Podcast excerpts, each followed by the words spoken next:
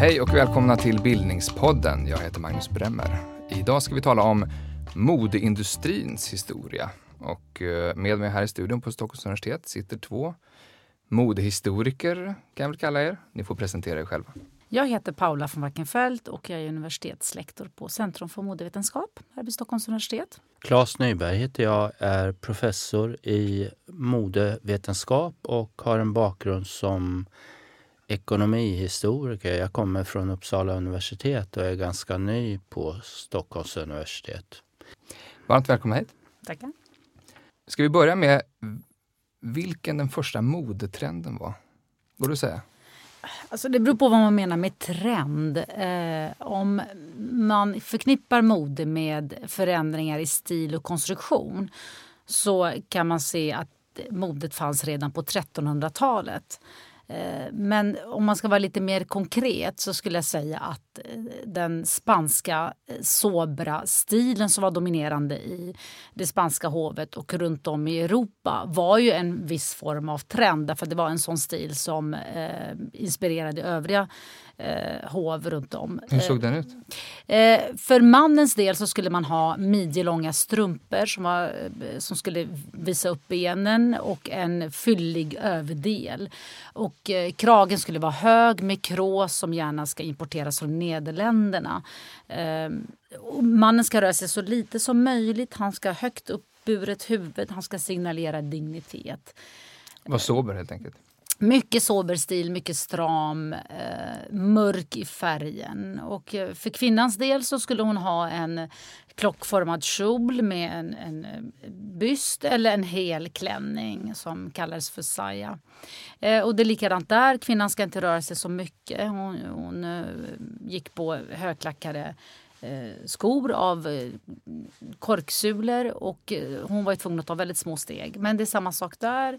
Eh, man ska röra sig så lite som möjligt och man ska signalera dignitet och allvar. Men det som gör det här till en trend är att det är en enhetlig stil som också sprider sig? Så, precis, och då kan man definiera det som en trend. Eh, men det är också en trend som bara överklassen kunde ägna sig åt och hovfolket. Men den trenden kommer också att avlösas av den franska stilen med Ludvig XIV i mitten mm. på 1600-talet.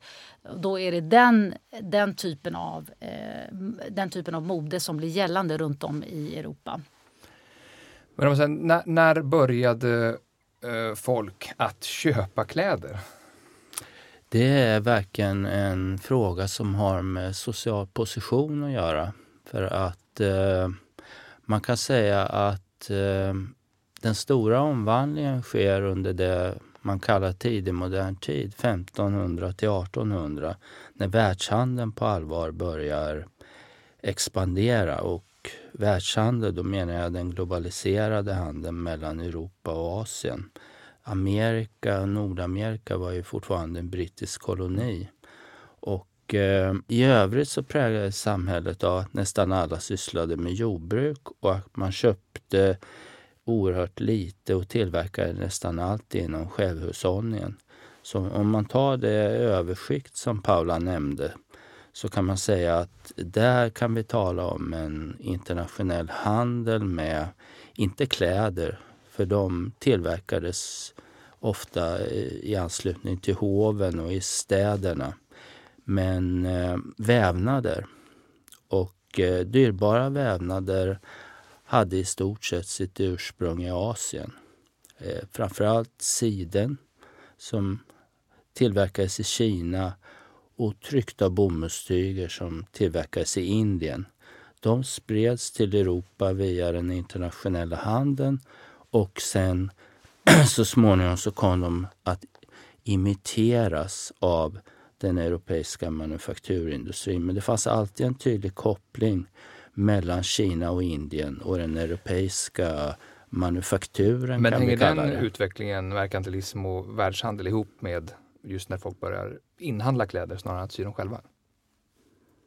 Ja, det kan man säga. Eh, det, det är egentligen en senmedeltida företeelse. Paula var inne på, hon började i medeltiden och det tycker jag är ganska rimligt därför att det är då vi börjar veta hur de här sakerna gick till. Men det fanns en omfattande regional världshandel om man får säga så, för då var Medelhavet eh, i stort sett den, den kända världen det, med en betydande förstadium till utrikeshandel i det gamla romerska riket. Men, men det vet man oerhört mycket mindre om. Textilier är inte bevarade på samma sätt som annat mm. material. Mm. Men hur, hur viktigt är det här tyget som kommer långt ifrån eh, för alltså, trendsättning och så vidare? Det här är oerhört viktigt därför att tyg signalerar det sociala ståndet man tillhör och den identitet man vill förmedla till sin omgivning. Och sånt kunde bara, den typen av tyger användes i kläder som tillhörde ju eh, hovfolket vanligtvis och möjligtvis den eh, förmögna eh, övre borgerskapet. Man kan lägga till också där att du säger trender. Eh, det som vi konsumenter eh, i, i vår moderna tid har väldigt svårt att föreställa sig det är att det äldre modet i stort sett är reglerat i statliga förordningar. Och de känner vi från medeltiden. Och det är alltså förordningar som talar om vilka kläder olika stånd i samhället ska bära. Och det är inte bara rekommendationer utan det är lag. Om du och inte, bär... bara, inte bara material utan... Nej, det är en otroligt sätt av uppsättningar i anslutning. Materialet är centralt i klädedräkten men det är också hur den är sydd och komponerad för olika stånd. Samhällsföreställningen är att människor föds in i olika stånd. Adelborgare, präster och bönder, säger man, sa man i skolan när jag var liten de fyra stånden. De representerade inte alla människor utan bara en, ett, ett, delar av befolkningen. Men de övriga fanns så att säga inte som medborgare och det var statligt, så, när man kan tala om en stat under den tidiga moderna tiden, tidigare kungliga påbud, men det var bestämt i sådana förordningar hur man skulle klä sig och man straffades om man bröt mot dem. Mm. Och det är ursprunget till mode skulle jag vilja säga.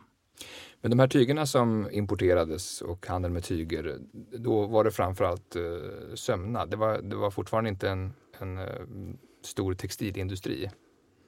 Det var det egentligen därför att eh, det fanns en mass industri före industrialiseringen som kallas för förlagssystemet. Förlagssystem? Där köpmän la ut råvaror till eh, områden där jordbruket var svagt utvecklat där man massproducerade standardiserade tyger. Och många menar, särskilt i äldre teorier, att det är ursprunget till kapitalismens uppkomst. Mm. Och eh, det fanns forskare på 70-talet som hävdade det med stark emfas och byggde upp en teoribildning som kallas för protoindustrialisering med utgångspunkt i tillverkning och handel med tyger. Vad får sedan den industriella revolutionen för påverkan på modeindustrins historia?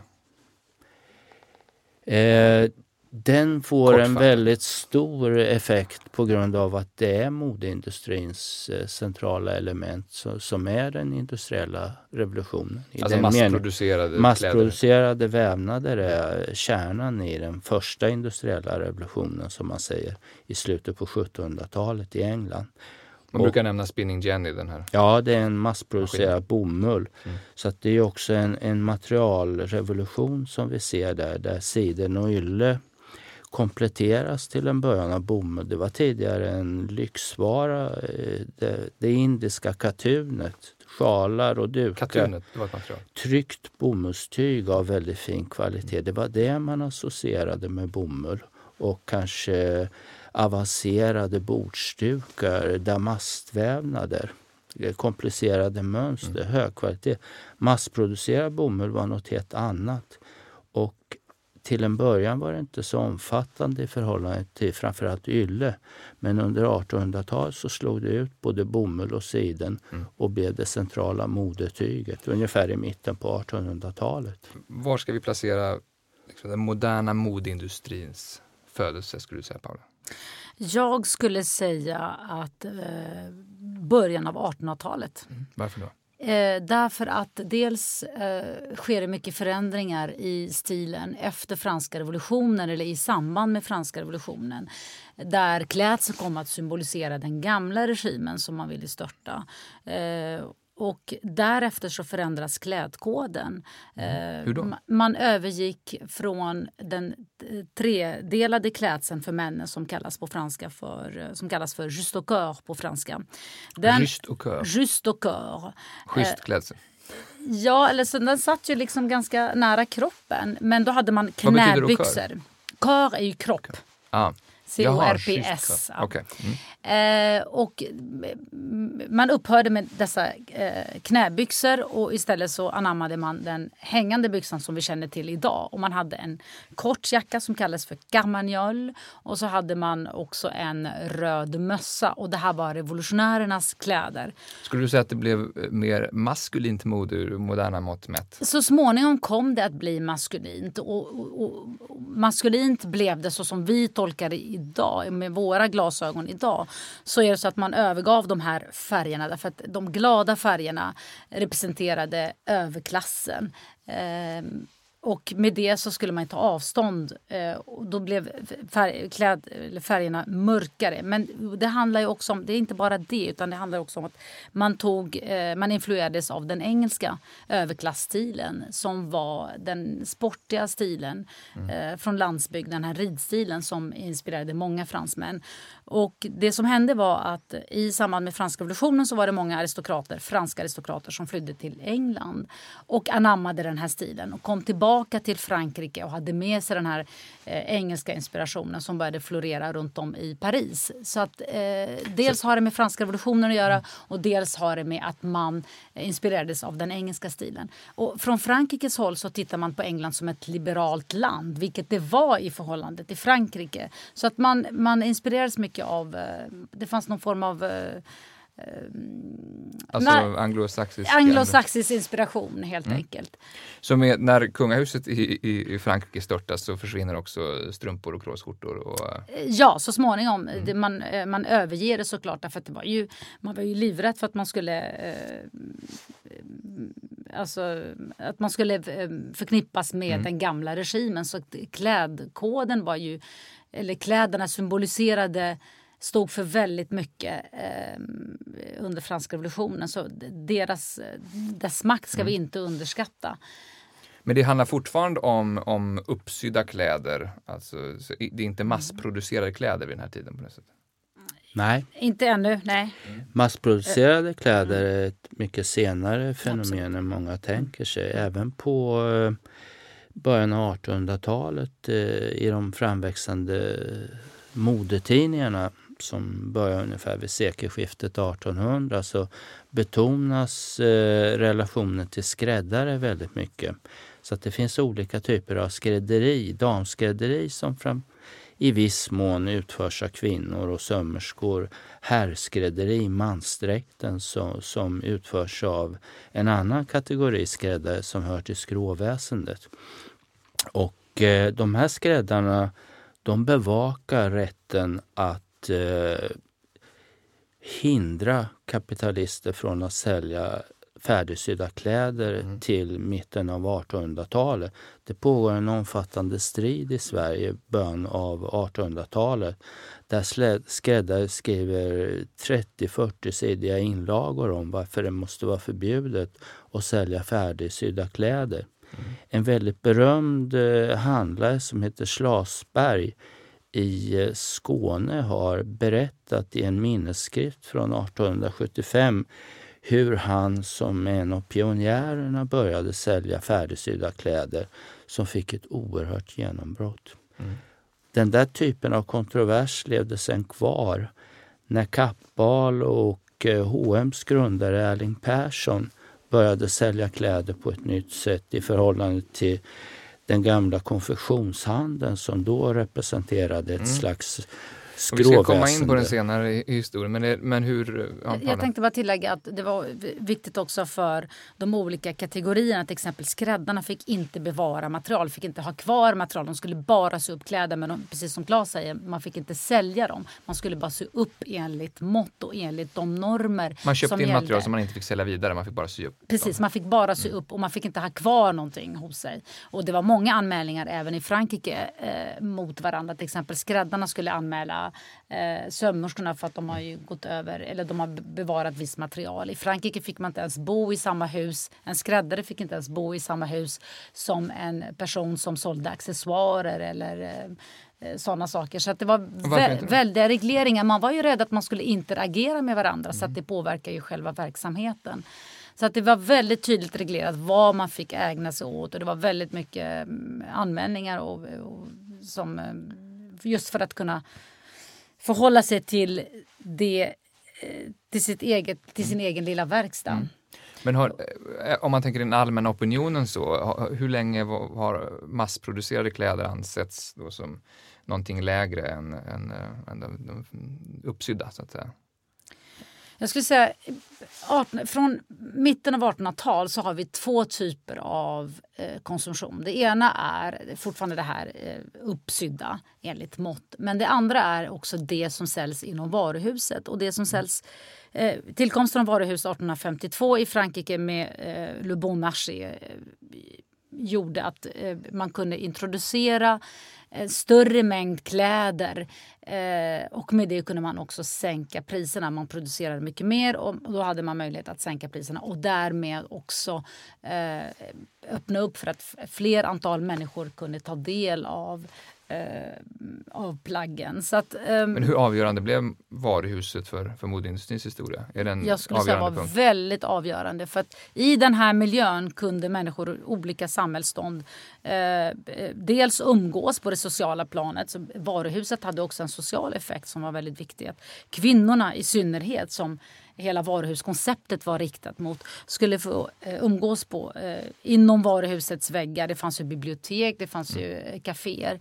Eh, men också att eh, var, i och med att priserna blev eh, lägre så hade fler människor möjlighet att kunna eh, konsumera. Så att eh, varuhusets roll i spridningen av konsumtion skulle jag hävda är väldigt avgörande.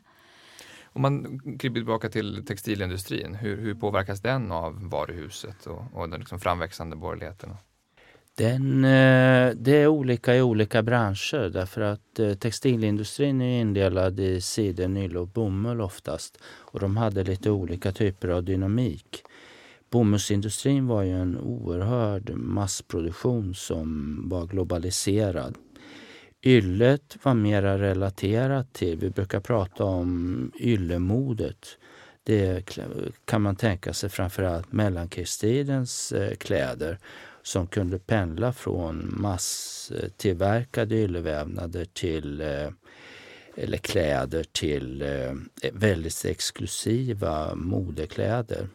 Yllemodet når så att säga sin kulmen kan man säga under den här tiden och vad vi sen ser det är en liten förändring i mitten på 50-talet som förebådar den moderna tiden. Och det är en kraftig förskjutning till nästan uteslutande bomull i när vi talar om massproducerade kläder. Och det är en av de största ekonomiska, och sociala och kulturella förändringarna som har skett. Mm. Om man tittar på 1800-talet så det nämns galanterihandlare och sidenkramhandlare.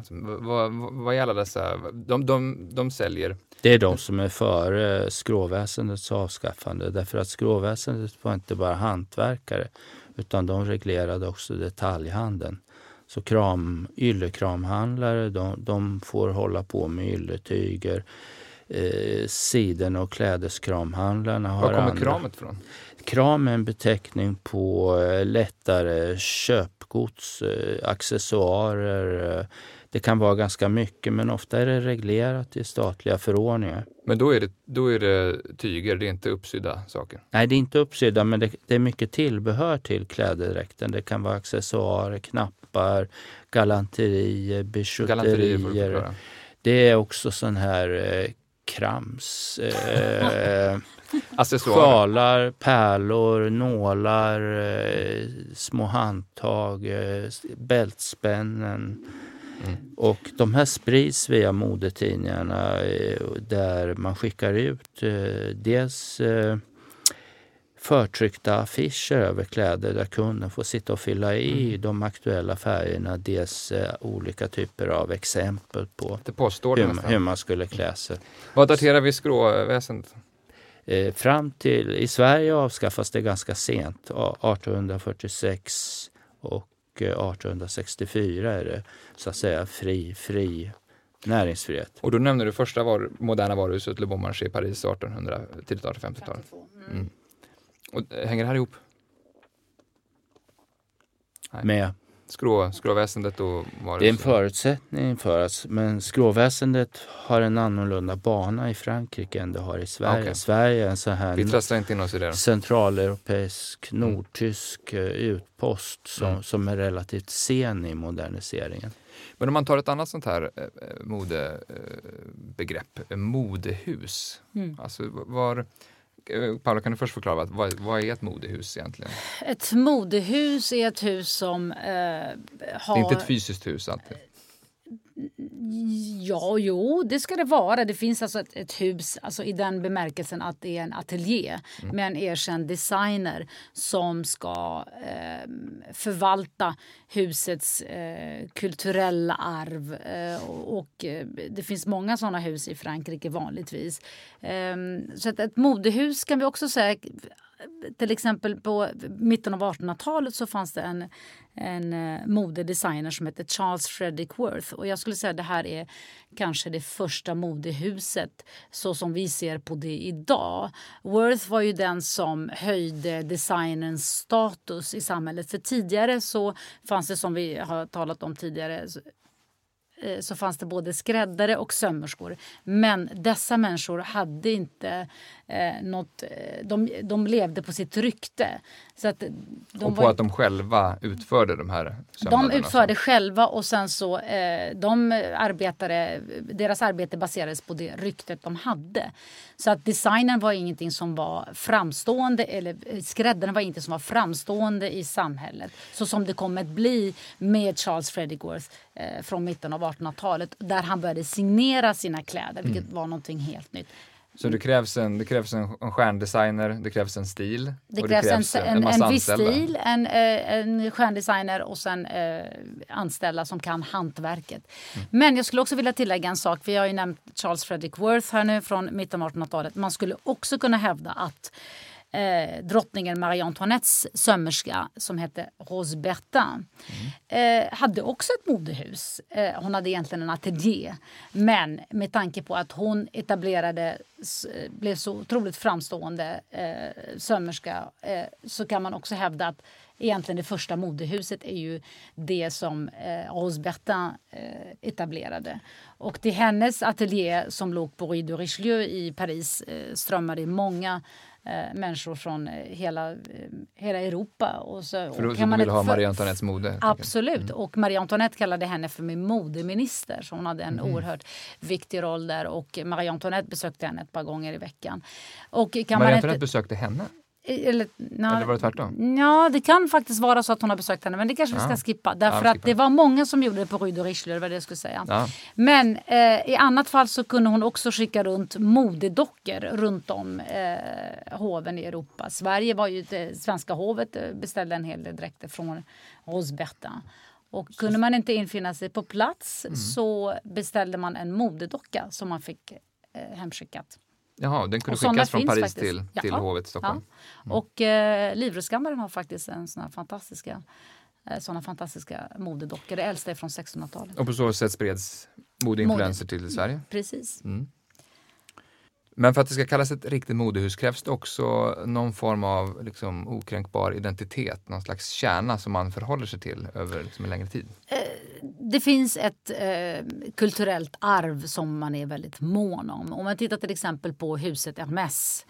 Eh, det är ett sånt där typiskt eh, modehus som, eh, som är väldigt mån om sitt rykte och Eh, det som produceras inom eh, det som produceras där är det som ska bevara eh, det här arvet som huset står för och hantverket. Samtidigt som man också är öppen för eh, nya influenser men man överger aldrig riktigt eh, konnässörskapet och eh, den stilen man har. Det finns en igenkännbarhet hos de här modehusen som man inte ger upp i första taget. Mm. Problemet idag uppstår när dessa modehus, som egentligen, eh, vi kallar dem för modehus, men det är, de, eh, de producerar lyxsaker.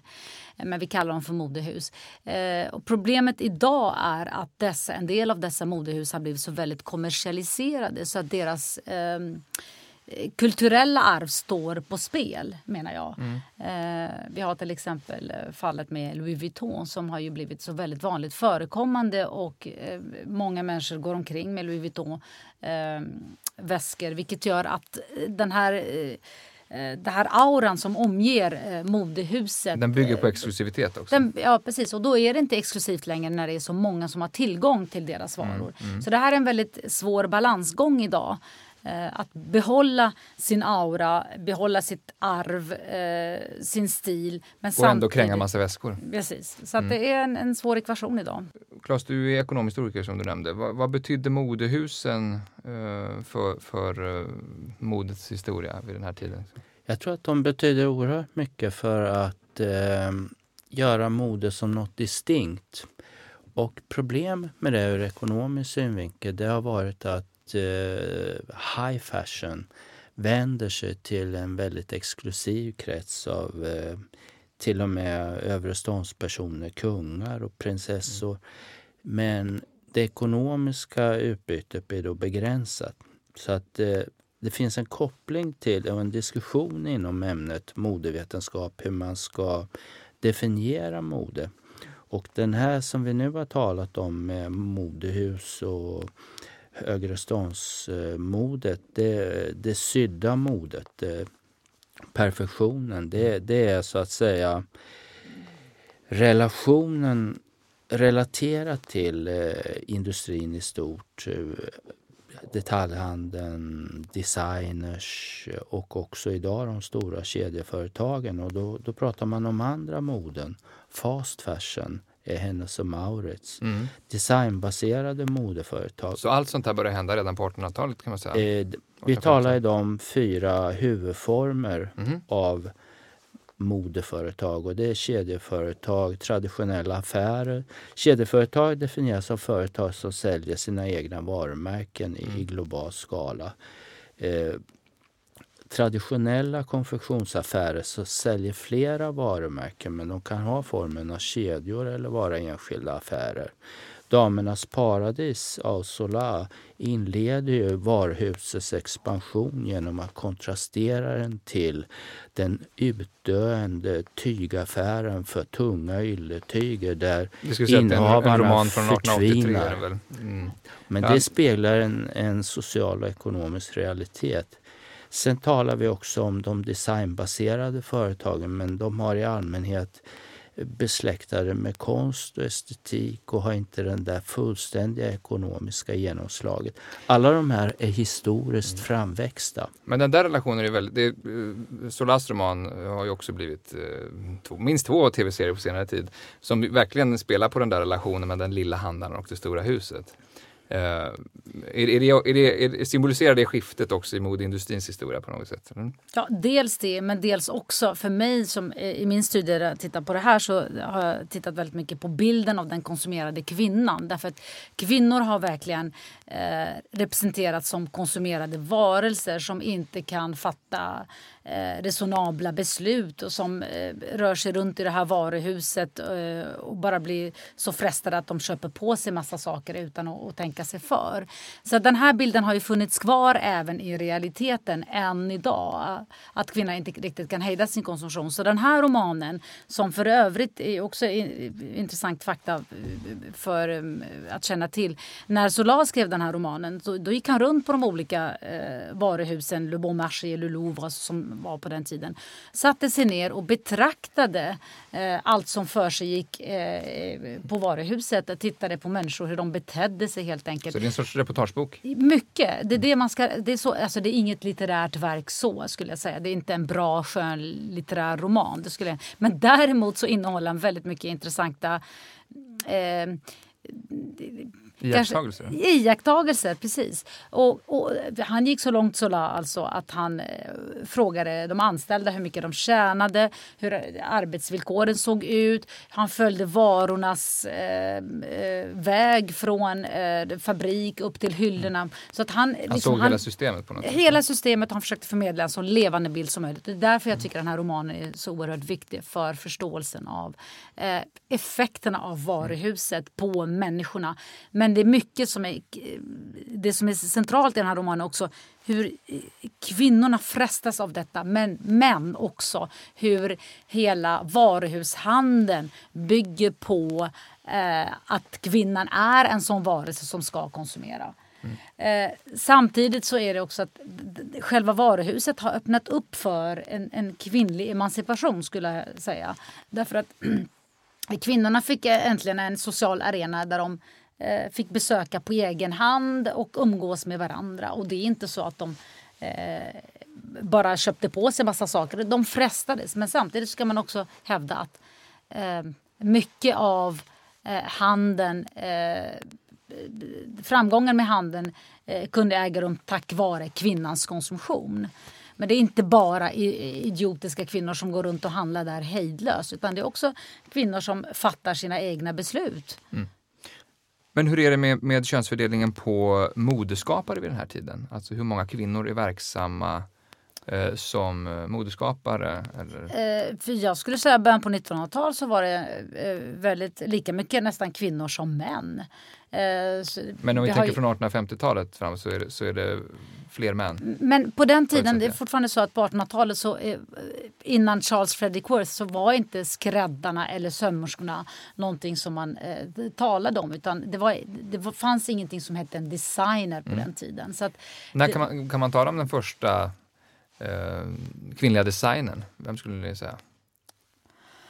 Oh, det var en svår fråga. Uh, ja, det finns ju Madame Paquin, det finns ju eh, Jeanne Lanvin, början på 1900-talet, uh, Madame Grèce. Det fanns ju några stycken som var jätteduktiga. Det är franska namn då? Franska mm. namn. Svenska skulle kanske... Jag skulle vilja säga också att uh, själva essensen i designen är att den var anonym. Den sågs mm. inte som en konstnärlig verksamhet utan vi har just nu en doktorsavhandling om eh, eh, mellankrigstidens modeindustri som visar att eh, fortfarande under mellankrigstiden så fanns det direktriser, dessinatörer fram till andra världskriget. Mm. De är nästan osynliga allihop. Dessinatörerna i Sverige, det var, det var ju sådana som Jean-Erik Rehn och sådana högkulturella Eh, tillskärare till sidenmanufakturerna, till de tidiga bomullsföretagen. Så att de var alla män och importerade i stort sett eh, franska ideal. Men eh, det är en för, efterkrigsföreteelse skulle jag vilja säga. Mm. Designer, i vår, det som vi menar med det. Och tänker man så här, Coco Chanel. Uh, är hon en av de tidiga Eh, ja, det skulle jag säga. Så jag tror att förhållandena i Frankrike var lite annorlunda mot de svenska. Så det fanns mm. ju kvinnliga eh, erkända designer i Frankrike eh, under de första 30 åren av 1900-talet och lite framåt. Chanel mm. är absolut en sån. Mm. Och Chanel lyckades ju tack vare att hon eh, skapade en klassisk enkel stil som eh, dock var indikatoriskt på eh, välstånd. Men den var bekväm och dessutom så introducerade hon byxan också. Så det var ju, eh, hon lyckades skapa en klassisk stil. Sportig men ändå eh, elegant på mm. samma gång. Mm. Eh, men det fanns ju också flera än, än, än Coco Chanel. Det fanns ju Schiaparelli, den italiensk födda designern som var också hennes konkurrent. Men där var det mycket mer extravagant eh, stil. som eh, Hon samarbetade väldigt mycket med eh, konstnärer och det var en sån stil som eh, Ja, som stack ut mycket. Det var inte en klassisk stil utan man kunde ha en hatt, en sko på huvudet i form av en hatt. Och, Eh, så det var ju inte en stil som är hållbar så att säga, i längden och det är kanske därför som Chanel idag är fortfarande gångbar för det är någonting som är väldigt tidlöst. Eh, Men man förvaltar fortfarande någon slags arv efter hennes eh, ja, stil? Så exakt och det är oerhört viktigt och det är därför man är noga med valet av designer. För det, designer har det här stora ansvaret att förvalta detta kulturella i mm. synnerhet mm. skulle jag säga arv. Så det, man pratar inte, sådana här modehus, så pratar man inte så mycket ekonomi mm. utan snarare om det kulturella arvet som ska vidare. Eh, det är liksom mm. själen i modehuset. Om vi skulle zooma in lite på Sverige då. Alltså idag finns ju många framstående svenska eh, märken och en svensk skandinavisk stil som ofta framåt. Eh, men, hur, men samtidigt har man ett arv av sparsamhetsideal och eh, folkhem och så vidare. Alltså modehusens historia i Sverige, går det att säga något om? om det? det har kommit ganska nyligen en intressant bok som behandlar de svenska eh, modebranschen i Stockholm. Mm. mm. Huvudstäderna är i centrum av Carena Gråbacke så, som går igenom den svenska modeutvecklingen och den förvånansvärt eh, ålderdomlig karaktär på modebranschen i, i början på 50-talet. Men sen, sen går det, på vilket sätt? Den eh, är präglad av sån här klassisk konfektion, hemsömnad och vad som hände under 1800-talet det var ju att mansdräkten ryckte fram när det gäller de breda lagren på kvinnodräktens bekostnad volymmässigt sett. Eh, dam, damdräktens proportioner går tillbaka och herrskederiet växer fram väldigt mycket och det är det som sen lägger grunden till den här ylleepoken inom modet under mellankrigstiden. Mm. Men vad som sen händer, det, det kan man säga är två utvecklingsvägar. Dels är det sådana här designbaserade pionjärer som Sixten Herrgård, Katja och Sweden och allt sånt där som växer fram och blir företag som har kallats det, det svenska modeundret mm. inom journalistiken. När är det ungefär? Det är på 60 och 70-talet som de här eh, ligger i sin linda men de växer ju fram långsiktigt lång, fram till vår tid. Men jag skulle vilja säga att det är H&M som är det verkliga mm. svenska modeundret. Och när, när, när börjar H&M's historia? Den börjar eh, i slutet på 40-talet när Erlend Persson startar en liten pennbutik. Men H en pennbutik? En ur och pennbutik. Ja. Mm. Det är alltså väldigt anspråkslös skala från början i, i små affärer. Sen under 60-talet så börjar Erlend Persson och Kappad köpa upp stora eh, klädlager som de säljer väldigt billigt om man köper snabbt. Och klädhandlarna, de traditionella, de anmäler till exempel Kappahl för polisen när han har en av sina lågpriskampanjer. För det går inte att sälja rockar så billigt. Det måste vara bedrägeri. Så polisen gör alltså en utryckning. Mm. Det här beskriver Karina Gråbacke i sin bok. Där, där polisen alltså räknar klädlagret och konstaterar att det är faktiskt sant att han säljer 6 000 kappor för halva priset mot mm. normalt och det är inget bedrägeri. Mm.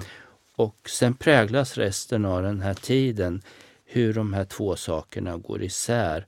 Massmodet som, som så småningom antar en global skala och det tillbakagående inre så att säga traditionella affärerna. Mm.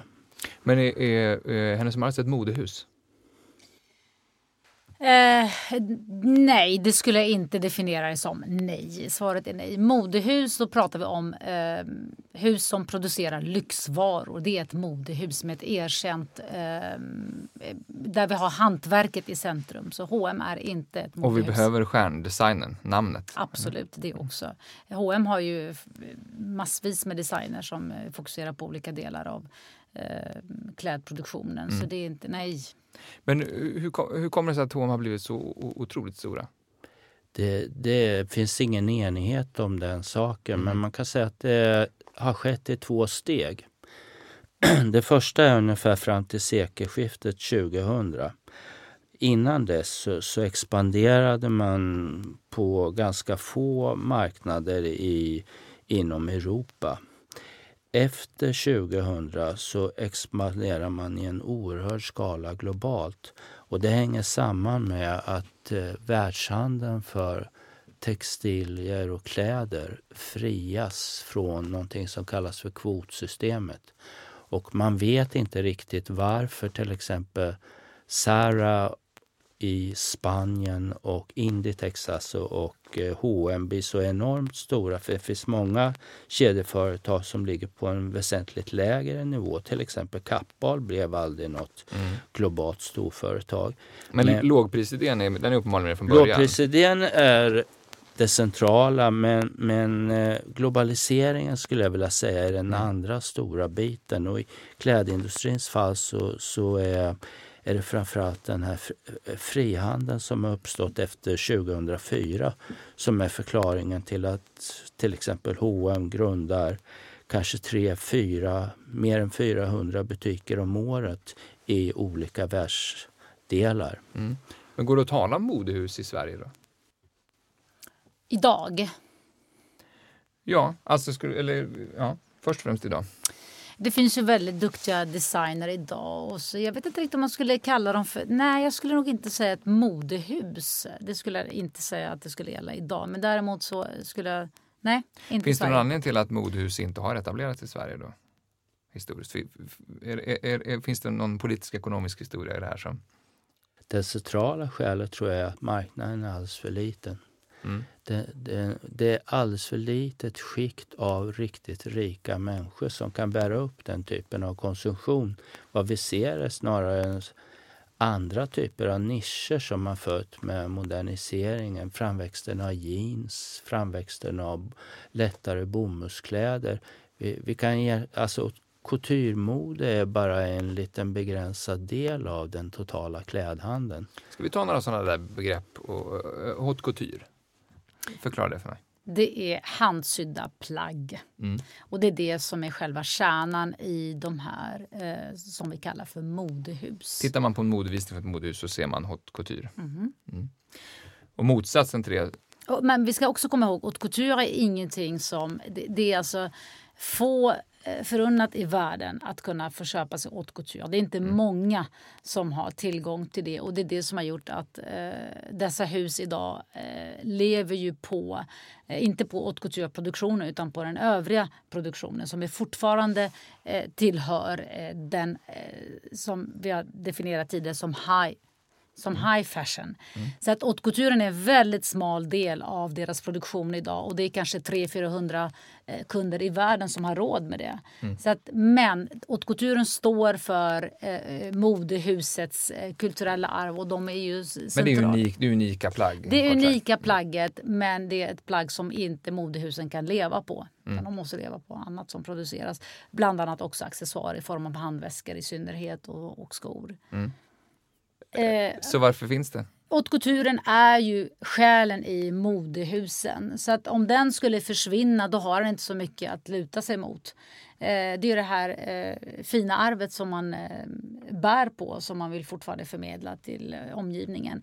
Och eftersom vi inte har råd med haute couture idag så räcker det för en konsument att köpa sig kanske en väska från det modehuset men ändå få den här känslan att man har erövrat någonting från, en, att man är en del av det här fina arvet. Så de stora modehusen de vill visa haute couture på visningar men så har de ändå då... Eh... De måste ha de lägre eh, varianterna också annars skulle mm. det inte gå ihop. Mm. Eh, en viktig dimension också av eh, haute couture är att det faktiskt rör sig om ett sentida skråväsende, ett monopol. Vad innebär det? Det innebär att eh, inom ramen för något som kallas chambre syndical så, så eh, inrättar man särskilda rättigheter där företag kan kvalificera sig för högsömnad men kommer att vara en väldigt begränsad krets av företag som också har internationell giltighet. Någon slags kvalitetsbeteckning? Det är en extremt eh, skickligt genomförd kvalitetsnorm där till exempel svenska företag under mellankrigstiden åker till modevisningarna i Paris, det visar en av våra nya avhandlingar, och köper rättigheten att själva få sy upp couturemodet. Mm. Men Paris lyckas alltså göra sig till en internationell norm för andra viktiga modemiljöer och Sverige är också en sån, i vardande visserligen. Vad är det med Paris? Paris kallas ibland modets huvudstad. Så varför? Vad beror det på? Jag skulle vilja tillägga också eh, i eh, anslutning till det Claes säger att att haute couture har kunnat överleva i eh, Paris överhuvudtaget beror på deras licenser. Utan dessa licenser hade de inte kunnat fortsätta. Eh, så att det här är också en viktig del för bevarandet av haute couturen i Paris. Dels regleringen i såna här eh, Chambre syndicale de la mode de la haute couture och dels också att man eh, har faktiskt möjlighet att sälja eh, sina licenser utomlands i princip överallt i världen. Finns det fler faktorer som gör Paris till ja, jag skulle vilja gå tillbaka i tiden. För Paris har alltid varit centrum för ett modecentrum som man tittade på och fick inspiration av. Men jag skulle vilja gå tillbaka ända till 1600-talet. Eh, eh, från mitten av 1600-talet framåt. Därför då var det Versailles som man tittade på och där smaken spreds från det franska hovet. Mycket under Ludvig XIVs tid. så att, men efter hans död 1715 så, börjar man, så började hovfolket flytta sig till sina hotell som det heter på franska, såna vackra eh, residenser i staden Paris. Därför att hovmiljön var väldigt rigid och välreglerad. Så det fanns liksom inget nöje att befinna sig i hovet förutom att man var ute efter makt och bra positioner i, eh, i, i, samhället. Men i övrigt så var det ingen som, var, som vistades vid hovet för att man tyckte att det var roligt. Eh, och just när Ludvig den XIV, eh, när Ludvig den XIV dör så eh, förflyttar man sig mer mot staden Paris och Eh, och då pratar vi alltså från 1700-talet, eh, början av 1700-talet. Förändrades framåt. modet av det också? Ja, det som händer är då att dessa aristokrater ägnar sig åt lyxkonsumtion så som de alltid har gjort. Så mycket av lyxindustrin byggs upp i staden Paris och på så vis befästas rollen eh, som Paris har som lyxindustrins epicentrum. Är det fortfarande det? Ja, skulle jag hävda bestämt.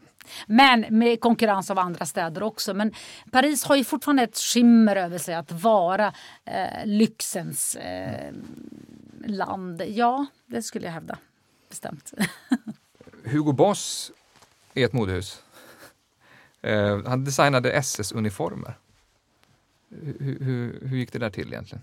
Hur det gick till kan jag inte svara på. Men det är sådana där ögonblick som man helst inte vill Alltså hur det gick till vet jag faktiskt inte. Vet du det Claes? Nej, alltså jag, jag, tror att det har att göra med samma fenomen som, som all tillverkning. Till exempel Leica-kameror eh, kom fram under nazismen därför att det var en totalitär stat där industrin fogades in i den nazi-experimentet därför att nazismen omfattade hela det tyskspråkiga samhällets alla dimensioner. Och industrin var, den var villig att delta men den var också tvungen. Och även nazisterna ville ha snygga uniformer? Då, nazisterna hade ju ett, eh, ett slags, eh, det här är verkligen inte mitt kunskapsområde, men nazisterna hade ju en, en estetik. Mm. En totalitär estetik.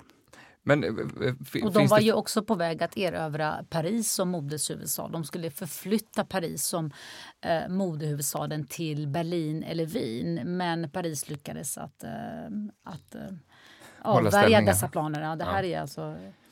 Finns det fler såna här mörka ögonblick i modehusens historia? Det, det, finns ju några slags teman som, som, dominerar modet idag. Och det ena är framväxten av massmodet som är en ekonomiskt framgångsrik... Eh, man brukar säga att det är ungefär en miljard människor direkt och indirekt sysselsatta i modeindustrin med den vida definitionen på mode.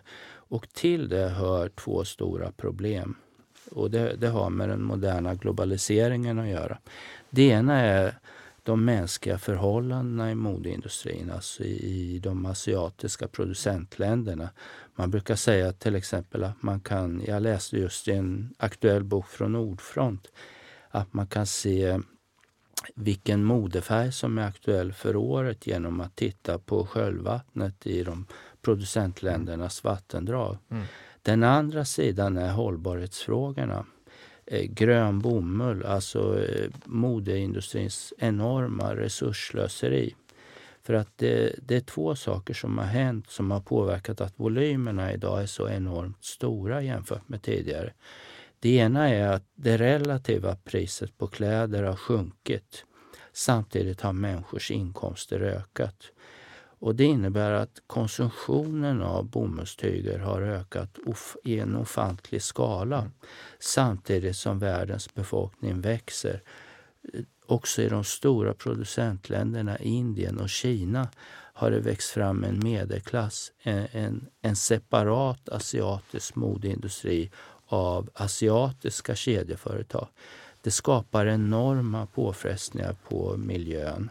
Så hela den globaliserade modemarknaden är, är en mörk historia? Det finns säga. centrala element skulle jag vilja säga i antiglobaliseringsrörelsen som, som pekar på modeindustrin som eh, en bov. Och det är en omfattande debatt i vilken grad det stämmer. Men kan kläder sprida en ideologi?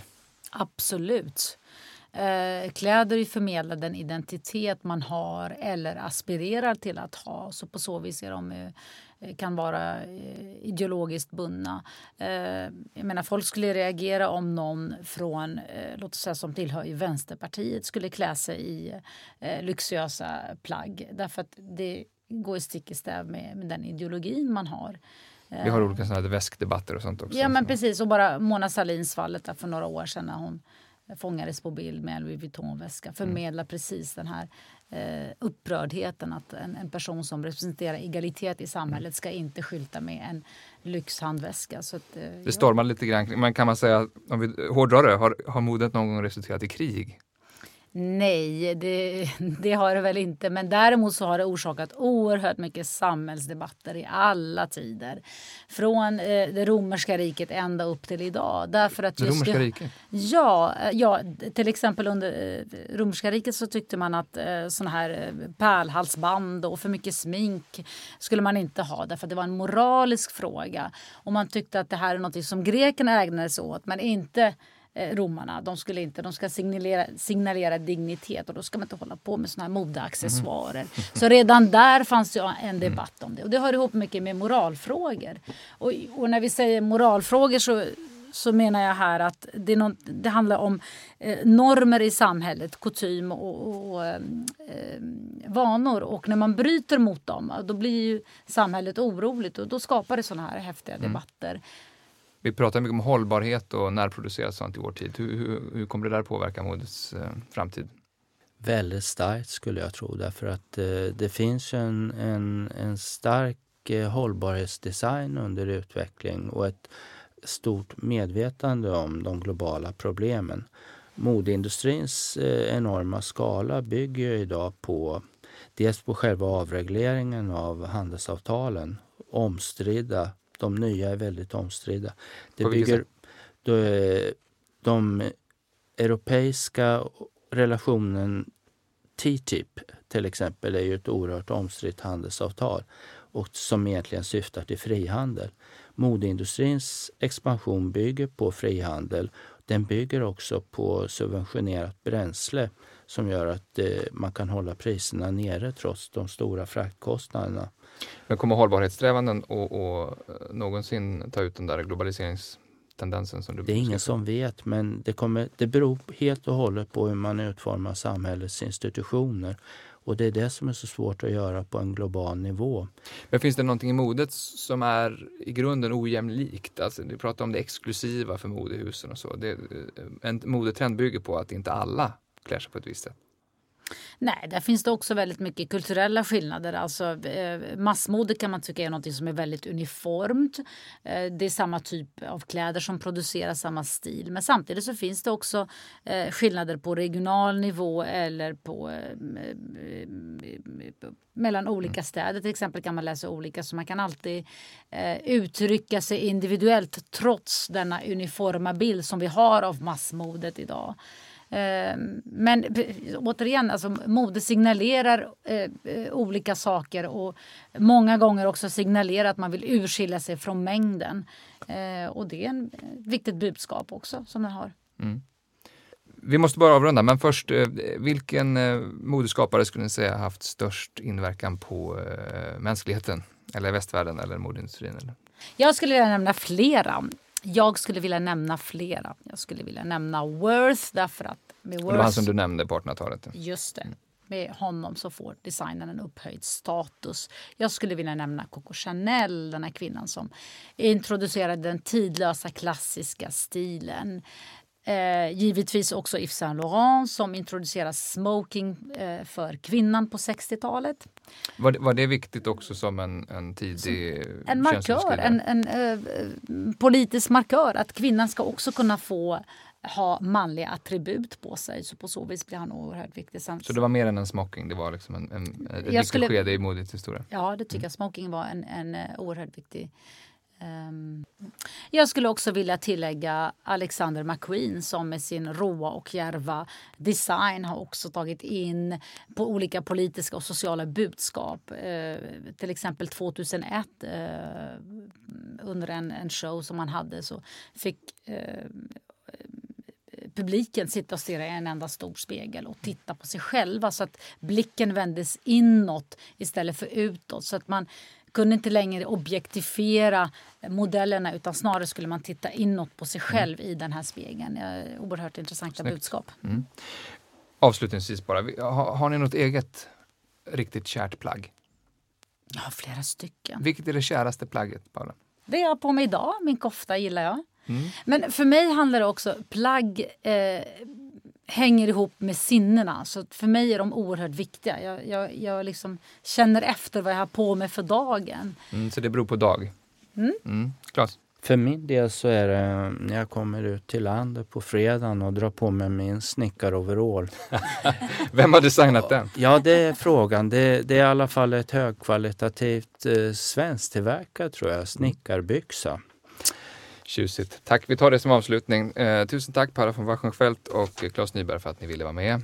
Tack också ni som har lyssnat. Vi är tillbaka om en vecka igen. Gå in på bildningspodden.se och följ oss på sociala medier. Tack och hej. Tack. Tack, tack.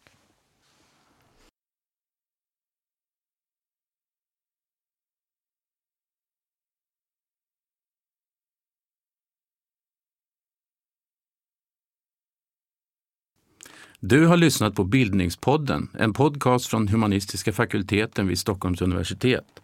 Producerad av Magnus Bremmer och Claes Ekman. Podden spelas in på Språkstudion och tekniker är Henrik Nordgren.